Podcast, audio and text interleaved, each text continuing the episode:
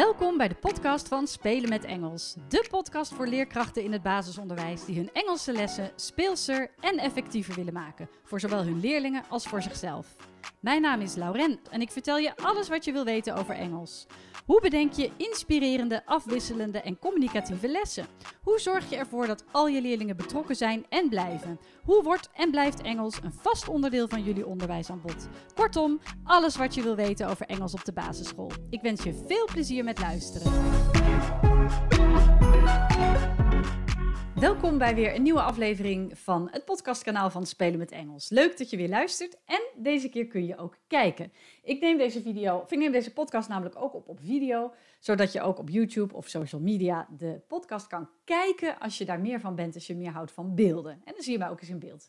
Ehm, in deze podcastaflevering ga ik in op een mail van een juf die ik kreeg over kinderen, uh, meerbegaafde kinderen in uh, groep 2, die eigenlijk al in het Nederlands kunnen lezen en schrijven.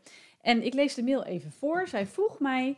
Uh, ik ben nu bezig met het geven van Engels aan de meerbegaafde kinderen. Zometeen gaan ze naar groep 3 en deze leerlingen kunnen al lezen. Is het een idee om de methode veilig leren lezen in het Engels te geven, zodat ze ook netjes leren schrijven? Um, daar heb ik wel een mening over en ook wel wat tips om te geven. Dus uh, ja, heb jij daar ook uh, mee te maken? Blijf dan gerust uh, luisteren en kijken en schrijf mee. En nogmaals, dat is mijn mening, gebaseerd op wel wat ervaring natuurlijk en wat kennis. Maar uiteindelijk heb ik altijd, ja, vind ik altijd dat je vooral moet doen wat goed voelt voor jou en voor jouw leerlingen. Er zijn altijd uitzonderingen. Nou, allereerst is mijn tip om uh, niet kinderen te laten lezen, laat staan te schrijven in het Engels als ze net in het Nederlands kunnen lezen en naar groep 3 gaan. Um, los van het feit, los van dat ze uh, geen input hebben gehad. Oftewel, hoe, hoe zeg je dat? Ze moeten input hebben gehad in de vorm van klanken. Dus in de vorm van jouw taalgebruik, jouw classroom English als leerkracht, in de vorm van liedjes, filmpjes, voorlezen. Uh, dat kan ook natuurlijk op, op, op de computer of op het digibord. Maar ze hebben input nodig om de taal te kunnen horen voordat ze de taal daadwerkelijk kunnen gaan lezen, laat staan schrijven.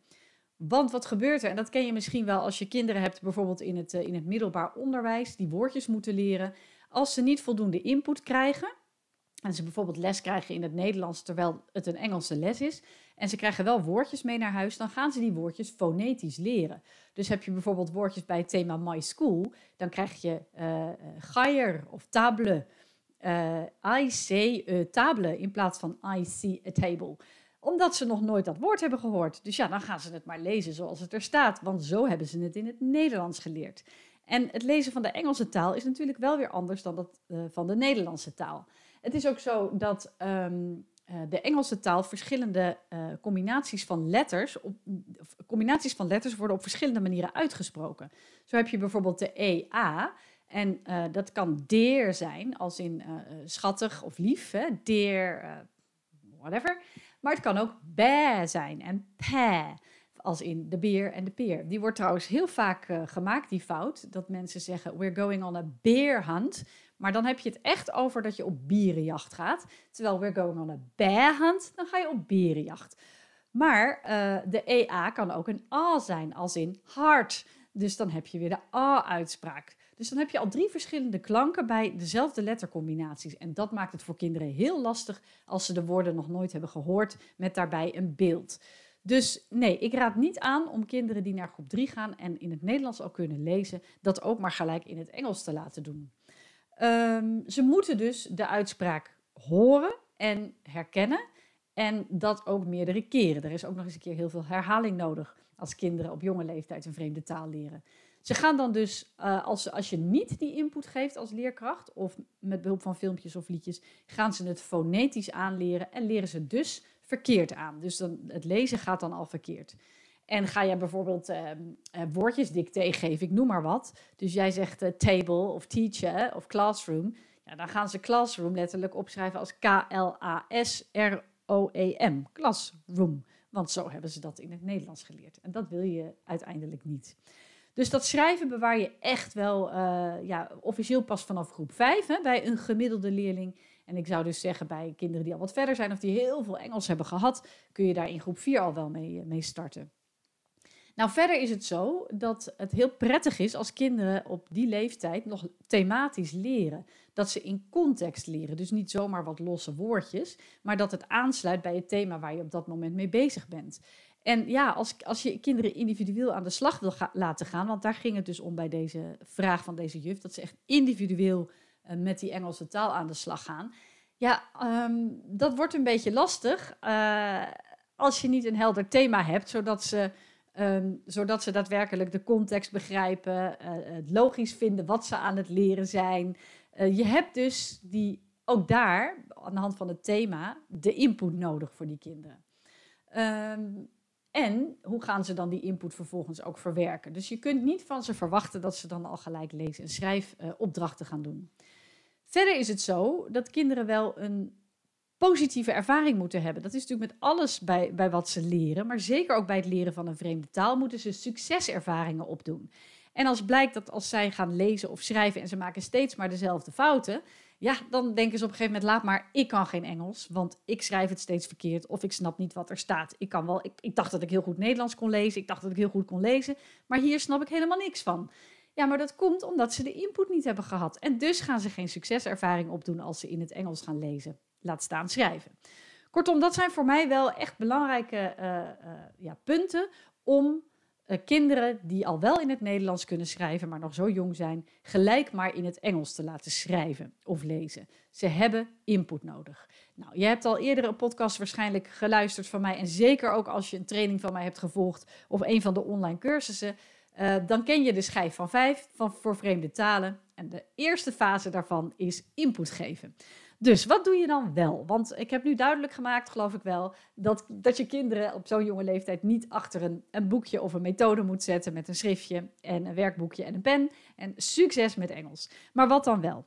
Nou, wat je tijdens de Engelse les kunt doen, en ik begrijp uh, dat het er ook juist om gaat dat je dingen buiten die Engelse les om met die kinderen doet om ze uit uh, te dagen. Maar nu even wat voorbeelden die je in ieder geval tijdens de Engelse les kunt doen om die meer begaafde kinderen maar misschien ook wel de native, dus kinderen die al wat verder zijn met Engels, om die uit te dagen. Nou, allereerst is het dus belangrijk dat je ook die kinderen betrekt bij je Engelse les. Um, wat mij altijd is opgevallen, ik heb natuurlijk veel ook met, met hoogbegaafde kinderen gewerkt, is dat hoe meer je speelt, hoe meer spelletjes je doet en dat communicatieve erin houdt, ja, hoe betrokkener, betrokkener ze blijven. Dus uh, ja, zelfs als ze dan misschien niet zozeer iets nieuws leren qua taal, leren ze wel in het spel samenwerken, antwoord geven, communiceren, overleggen. Uh, weet je, op een andere manier nadenken. En ook dat is heel belangrijk. Dus um, uh, betrek ze bij de thema's en laat ze vooral heel veel spelen. Door dat spelen leren ze dus ook andere dingen. Nou, een ander belangrijk punt is dat je dan vervolgens als je dus input aan het geven bent als leerkracht tijdens die Engelse les, aan de hand van een liedje of een prentenboek of, van, of gewoon jouw instructie, dan kun je ook juist voor die kinderen wat moeilijkere taal aanbieden. Dus um, zeg je bij de ene leerling, uh, take your book, en dan doe je nog eens een keer take en your book. Dat beeld je allemaal uit, hè, of je wijst het aan. Take your book and bring it to me. Nou, dat is heel duidelijk voor zo'n kindje wat de bedoeling is. Maar een gevorderd kindje of een gevorderde leerling, daar zou je sowieso al de gebaren bij weg kunnen laten en je zou het wat moeilijker kunnen maken. Could you take your book out of your drawer, please, and bring it to me because I need it? Dus je maakt wat langere zinnen of uh, um, Peter, could you please close the door because I'm I, I don't like all the noise in the hallway and it's disturbing me and I want to continue with my with my lesson. Terwijl tegen een ander kindje zeg je alleen maar please close the door. En dan laat je weer het gebaar van een deur zien en dan wijs je even naar de deur. Dus op die manier kun je al differentiëren in de input die je geeft, door wat moeilijkere zinnen te geven. Verder kun je uh, tijdens die inputfase ook vragen aan uh, jouw leerlingen, aan jouw gevorderde leerlingen, of ze jouw rol willen overnemen of betrek ze bij jouw rol. Dus lees jij een prentenboek voor, misschien kunnen zij ook wel een stukje voorlezen. Um, wil jij opdrachtjes geven, bijvoorbeeld met een spelletje als Simon Says, uh, touch your nose, Simon Says, uh, turn around, Simon Says, jump. Nou, die leerlingen kunnen dat misschien ook wel. Dus voor de klasge klasgenoten is het dan input, maar voor de gevorderde leerlingen is het dan output. Voor degene die mij af en toe even met mijn vinger naar voren zien gaan, dat zijn de berichtjes die ik binnenkrijg, dus die swipe ik even weg. Maar daar heb je als je de podcast luistert geen last van. Ehm, dus laat, ze, laat kinderen jouw rol overnemen. En, of in ieder geval betrek ze bij jouw rol. Geef uh, de, de opdrachtjes die jij geeft, kunnen zij ook uitvoeren. Werk jij bijvoorbeeld veel met flashcards? Ik hoop het wel als je uh, mij volgt en ook trainingen van mij hebt gevolgd. Dan kun je daar ook heel veel opdrachtjes mee doen. Hè? Of je hangt bijvoorbeeld de flashcards op in het lokaal en dan zeg je walk to the dog of point to the cat of crawl to the mouse. Uh, nou, dat zijn ook opdrachtjes die gevorderde leerlingen makkelijk kunnen doen. Dus dat is uh, een tip voor tijdens de Engelse les ook. Um, wat je ook nog kunt doen, is dat je die kinderen richtvragen uh, vooraf geeft. Vooraf dat je aan een prentenboek of aan een liedje dat je afspeelt.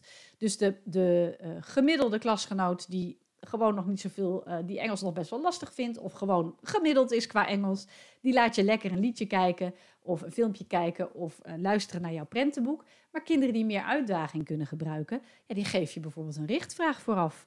Um, when I'm finished reading, you need to tell me which three animals Pete met when he was walking in the park. Of um, uh, when I'm finished reading, you're going to tell me what animals the giant talked to when uh, he was um, walking to the city. Ik doe maar wat. Dus ze gaan opletten welke animals kwamen er in het boek eigenlijk voor. En dat kan ook met fruit of met, uh, nou ja, kleren of noem maar op. Maakt natuurlijk niet uit waarmee. Maar je geeft hen vooraf een richtvraag, waardoor ze extra uh, uh, gemotiveerd en betrokken zijn om te luisteren. En zij kunnen dat dus ook aan, die extra informatie. Nou, daarnaast is het zo dat je um, die kinderen ook nog een richtactiviteit kunt geven. Dus dat je hen een extra opdracht geeft door bijvoorbeeld naderhand plaatjes op bepaalde volgorde te leggen. Of um, zij spelen een memory spel, maar uh, zij benoemen dan ook echte woorden hardop. Of ze maken zelfs zinnetjes als ze een kaartje omdraaien met de woorden die, uh, ja, met de woorden die ze hebben geleerd. Uh, en eventueel kun je dan wel denken, nou ik doe één plaatje of een kaart met een plaatje en een kaart met een woord. Zo. Want um, dan hebben ze dat woord dus wel gehoord in het prentenboek of in dat filmpje. Dus dan heb je bijvoorbeeld een giant als plaatje en een giant, waar dan giant staat natuurlijk als woord. En dan kun je checken, nou kunnen ze dat ook echt als giant uitspreken. Dus uh, geef richtvragen vooraf, richtactiviteiten, dat is een goede. Uh, dat kun je eventueel ook uitschrijven, dus echt dat je de vragen op het bord schrijft of even uittypt en dat specifiek aan die leerlingen geeft. Neem het vooraf wel door. De vragen ook even de uitspraak. Um, en sowieso kun je hen na het kijken van een filmpje of liedje een moeilijkere opdracht geven. Uh, bijvoorbeeld een, een, een gap-fill opdracht, hè, waarbij je... Ik weet niet of je de, de, de liedjes van Super Simple Songs kent. Nou, die gebruikte ik veel in de middenbouw. Groep 3, 4, 5 had ik. Nou ja, groep 3 kon natuurlijk nog niet zo, uh, nog helemaal niet eigenlijk lezen en schrijven. Laat staan in het, of, wel in het Nederlands, maar niet in het Engels. Maar groep 5 wel. Dus wat ik dan deed was een, bij een liedje van Super Simple Songs, dan gaf ik de groep 3 kinderen een knutselactiviteit of een kleurplaat. Maar er was voor groep 5, dat vind je echt op de site, moet je echt gaan kijken bij supersimple.com volgens mij. Um, groep 5 gaf ik dan, de tekst uh, had ik uitgeprint en dan hadden ze een gap fill opdracht. Dus dan moesten ze zelf de woorden op de juiste plek invullen. En dan is het een ander verhaal. En dan schrijven ze de woorden over, maar dan hebben ze die input al gehad. En dan kun je bijvoorbeeld daarna vragen: kun je voorlezen wat er staat of kun je het zingen? Dus zij vulden dan de woorden op de goede plek in. Dus zij kunnen met een, een moeilijkere opdracht aan de slag. Eventueel ook wel lezen. Dat hangt er dus weer vanaf uh, ja, of je voldoende input hebt gegeven en ze in staat zijn om die klanken goed uit te spreken. Nou, wat ik ook zou adviseren is dat je gevorderde leerlingen sowieso samen in een groepje zet, zodat ze echt elkaar ook kunnen uitdagen en een niveautje hoger kunnen. Uh, en dat je ze ook echt gezamenlijk aan een moeilijkere opdracht kunt laten werken. Dat is echt wel anders dan dat je ze met uh, kinderen samenzet die het juist heel erg lastig vinden. Dat kan wel, maar dan is het doel van de samenwerkingsopdracht anders. Wil je ze dus juist met een minder, uh, een minder gevorderd groepje mengen, nou, dan, is, dan zullen ze meer de leidersrol op zich nemen. Dus dan zullen ze bijvoorbeeld inderdaad opdrachtjes geven of uh, een tekstje kunnen, lezen, kunnen voorlezen aan, aan hun klasgenoten. Dat is natuurlijk ook nog een optie. Maar dan moet je even bewust zijn van wat is het doel van deze opdracht. Wil ik ze juist uh, naar een hoger niveau tillen omdat ze gevorderd zijn? Ja, dan zet je ze bij elkaar in een groepje. Of wil ik dat ze uh, ja, zelfvertrouwen krijgen, succeservaring opdoen en een soort van leidersrol nemen in een groepje met wat minder gevorderde leerlingen? Nou, dat zijn uh, ja, wat, wat voorbeelden die je kunt doen tijdens de Engelse les om die kinderen toch uit te dagen. Ik speelde ook heel veel bingo en dan gaf ik die kinderen bijvoorbeeld uh, een extra kaart. Dus dan hadden ze net even, moesten ze net zich beter wat concentreren omdat ze twee kaarten hadden. Uh, je kunt dan ook een kaart met woordjes geven in plaats van plaatjes. Dus dat ze dan toch weer dat woord ook moeten lezen. En dan moeten ze het wel fon fonetisch horen en dan op een andere manier weer lezen. Dus dat is ook wel een goede. Um, en wat je eventueel ook nog kunt doen met bingo, maar dan duurt het misschien iets te lang, is dat je eerst een omschrijving geeft van het woord. You can sit on it. En dat alle gevorderde leerlingen dan uh, het plaatje er al bij zoeken, dus de chair. En dat je daarna zegt, it's a chair. En dat dan de rest van de leerlingen uh, het plaatje van de chair aankruisen. Dus dat is ook nog een, een optie.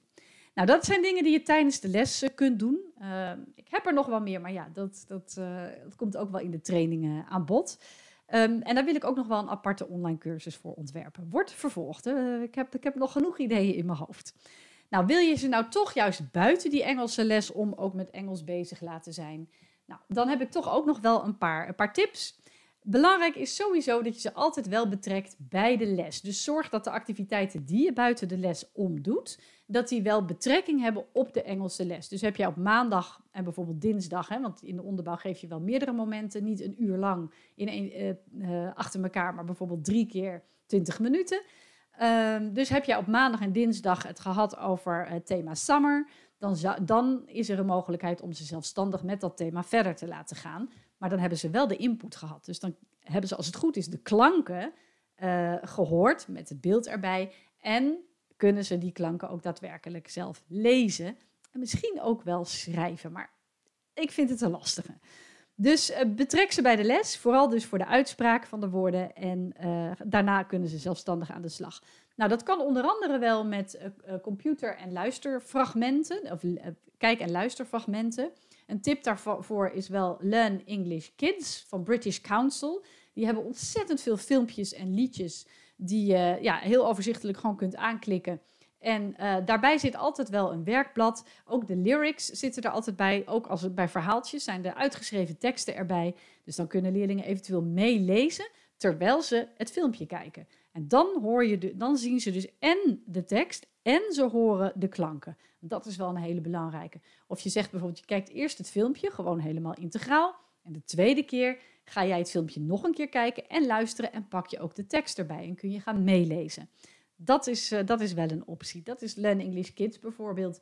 Um, ik heb ook een blog geschreven, 10 YouTube-kanalen voor kleuters. Ga daar ook even een kijkje nemen. Ik zal de link ook hier bij de podcast zetten. Want daar vind je ook uh, Sesame Street, Peppa Pig, maar ook ja, de Key Boomers, Super Simple Songs, wat ik al noemde. Daar vind je echt wel hele handige sites waar, ze, waar kinderen zelfstandig um, ja, kunnen kijken en luisteren, zowel YouTube als sites. Uh, de filmpjes van Bluey zijn ook heel erg leuk. Die staat niet op dat blog, B-L-U-E-Y. En uh, een hele handige site is cbabies.com. En dat is C-B-E-E-B-I-E-S van de BBC. En daar kun je ook hele handige filmpjes en liedjes, kunnen ze die zelfstandig kijken. Dat zijn echt wel aanraders. Maar dan moet je wel computers hebben, koptelefoon en dan gaan ze dat zelfstandig doen. Zorg echt wel, nogmaals, dat het zoveel mogelijk betrekking heeft op het thema waar je al mee bezig bent. Um, wat je ook zou kunnen doen, en dat zou wel ideaal zijn, het is bijna namelijk niet te doen om een vreemde taal te leren in de onderbouw zonder uh, ja, dat gezamenlijk te doen. Want een taal leer je juist door te communiceren met elkaar. En alleen maar saai achter een computer zitten en filmpjes kijken, ja, het kan wel. Maar uiteindelijk wil je ook dat die kinderen met elkaar gaan praten. Dus heb jij de mogelijkheid dat misschien, misschien heb je wel een onderwijsassistent of ouders die heel goed Engels kunnen of zelfs native speaker zijn, probeer die in te schakelen zodat zij met dat groepje, wat al verder is, aan de slag kunnen. Dat is echt ideaal, want dan kunnen die kinderen ook nog onderling met elkaar communiceren. En is er de begeleiding? Gaat die uitspraak wel goed? En is er extra input van die begeleiding? Dus het heeft allemaal voordelen om dan in een klein groepje met die kinderen aan de slag te gaan. Vooral vanwege de input en vanwege de begeleiding. En dus ook het kunnen verbeteren op een positieve manier. Namelijk door te recasten van verkeerde uitspraak. Dus als een kind inderdaad zegt: I say a, a table. Dat een leerkracht dan kan zeggen: Oh, do you see a table? Dus dat hij dat dan even op een goede manier herhaalt. En dan zegt zo'n leerling waarschijnlijk, yes, I see a table. Dan kan hij dat ook weer op de juiste manier uitspreken. Dus als je dat hebt, uh, ja, dan is dat ideaal. Heb je het niet, vraag eens rond. Wie weet is daar wel een mogelijkheid toe. Uh, verder kunnen kinderen natuurlijk, wat ik al zei, Engelse spelletjes zelfstandig spelen. Dus geef ze bijvoorbeeld die bingo-kaarten met memory-kaartjes en dan kunnen ze zelfstandig lotto spelen. Ze draaien een kaartje om, ze zeggen het woord. En uh, heb jij dat, uh, dat plaatje, dan mag je dat afkruisen op je bingo-kaart. En dan komt een andere leerling, die draait een kaartje om, die zegt een woord. Dat geldt ook voor domino-spelletjes of memory. Dus laat ze zelfstandig die spelletjes spelen. Het nadeel is alleen, als er geen begeleiding is, weet je niet 100% zeker of ze het ook wel daadwerkelijk in het Engels doen. En dat wil je natuurlijk juist zo graag. Um, en verder kunnen ze bijvoorbeeld ook rollenspellen naspelen van een prentenboek. Uh, ja, dan, dan moeten ze dat ook wel weer geoefend hebben, maar dan kunnen ze zelfstandig een dialoogje bijvoorbeeld doen. Uh, ze kunnen eventueel ook zelf het prentenboek voorlezen. Dat kan aan uh, klasgenoten, aan elkaar. En dat ze elkaar ook weer helpen met de uitspraak. Oh, ik, weet, ik weet niet meer hoe dit, hoe dit wordt. Wat zei de juf ook alweer? Maar dat kunnen ze eventueel ook weer opzoeken op een filmpje op YouTube. Um, of dat de ene leerling bijvoorbeeld een prentenboek voorleest en de ander heeft de kaartjes erbij en die pakt steeds het kaartje als die een woord hoort of ze leggen de kaartjes op de juiste volgorde. Dus dat is ook nog een optie dat je de kinderen daarmee aan de slag uh, gaat. Of, want er zijn heel veel uh, prentenboeken te vinden op YouTube, dat je um, kinderen het filmpje laat horen en dat ze tegelijkertijd zelf meelezen met het boek. Dus dat is ook nog een optie. Dan horen ze weer die klank en dan lezen ze weer het boek. Um, heb ik verder nog iets vergeten? Volgens mij heb ik alles wel zo'n beetje, wel zo'n beetje gehad. Ja, ik denk het wel. Ik denk dat dit ook wel voldoende tips zijn. Uh, uh, wil je echt toch dat ze gaan lezen en schrijven, omdat ze het al in het Nederlands kunnen en uh, jij vindt dat gewoon belangrijk dat ze dat ook in het Engels zo snel mogelijk kunnen, ja, dan is het toch echt belangrijk dat je steeds maar blijft hameren op de uitspraak. Want uiteindelijk gaat het erom dat kinderen de taal kunnen spreken, dat ze dat dat ze daar succeservaring in opdoen en plezier in hebben. Dus ze kunnen de taal spreken en het is mooi meegenomen als ze dan uiteindelijk ook die taal op de juiste manier leren schrijven en lezen. Of lezen is dan ook nog wel makkelijk, maar schrijven. Maar echt, dat gebeurt normaal gesproken pas ja, vanaf groep 5, 6. Dus wees er voorzichtig mee, want je wil echt niet dat ze het verkeerd gaan aanleren en dat ze het verkeerd blijven uitspreken. Dus ja, pas daar een beetje mee op. Nou, dat, uh, dat waren mijn tips voor uh, kinderen die wat meer uitdaging nodig hebben als ze van groep 2 naar groep 3 gaan of in groep 3 zitten. Uh, ze kunnen zelfstandig aan de slag, maar zorg er dan voor dat, dat er of begeleiding is, maar dan is dan niet meer zelfstandig. Of dat ze in ieder geval die input hebben gehad. En als ze de input niet hebben gehad vanuit de klas of vanuit de Engelse les of vanaf de, vanaf de leerkracht, zorg er dan voor dat ze die input wel hebben via bijvoorbeeld de computer van liedjes, filmpjes, etc. Laat ze niet zomaar de vreemde taal gaan schrijven zonder dat ze daar eerst voldoende input voor hebben gehad. Nou, dan wil ik je hartelijk bedankt voor het luisteren. Ik hoop dat je er wat aan hebt. Laat gerust een reactie achter bij deze podcast. Ik zou het ook enorm op prijs stellen als je even het aantal sterren wil aanklikken bij YouTube of bij iTunes wat wil, uh, wil laten horen. Want daarmee vergroot ik uh, mijn zichtbaarheid uh, qua podcast en kan ik nog meer leerkrachten inspireren. En dat is, ja, dat is mijn doel. Dus dat zou ik echt enorm op prijs stellen als je dat doet. En nog steeds geldt dan ook het cadeautje waar, waar ik het over had in aflevering 50. Heb je dat niet gehoord? Ga even naar aflevering 50 en luister tot het eind. Want daarin geef ik je um, uh, 7,50 euro korting in de webshop. Nou, dat is toch de moeite waard. Maar dan moet je wel de code hebben. Dus moet je toch even die andere aflevering luisteren. Um, of mij e-mailen voor de code, dat mag ook hoor. Maar goed, anyway, um, dit, ik zal de link van de, van de, de blog van 10 YouTube-kanalen voor kleuters er nog bij zetten. Ik wens je dan heel veel plezier met het uitproberen van deze tips. Heb jij zelf een vraag over Engels bij jou op school of in de klas? Mail mij gerust. Of heb je zelf nog ideeën die jij doet met jouw leerlingen die al wat verder zijn? Ook dan hoor ik het heel graag natuurlijk, want dan kan ik ook daar andere leerkrachten weer blij mee maken. Dankjewel voor het luisteren en uh, tot de volgende podcast. Wat leuk dat je luisterde naar deze podcast. Heb je nog vragen? Bijvoorbeeld over het voorbereiden van een les, het uitvoeren van een werkvorm of over Engels bij jou op school? Of wil je misschien meer weten over de studiedagen, de online cursussen en het lesmateriaal dat Spelen met Engels verzorgt? Je kunt me altijd mailen op info@spelenmetengels.nl. En ook op de website, de Facebookpagina en het Instagram-account vind je enorm veel inspiratie. Het is mijn doel om alle leerkrachten in het basisonderwijs met plezier hun Engelse lessen te laten voorbereiden en te geven.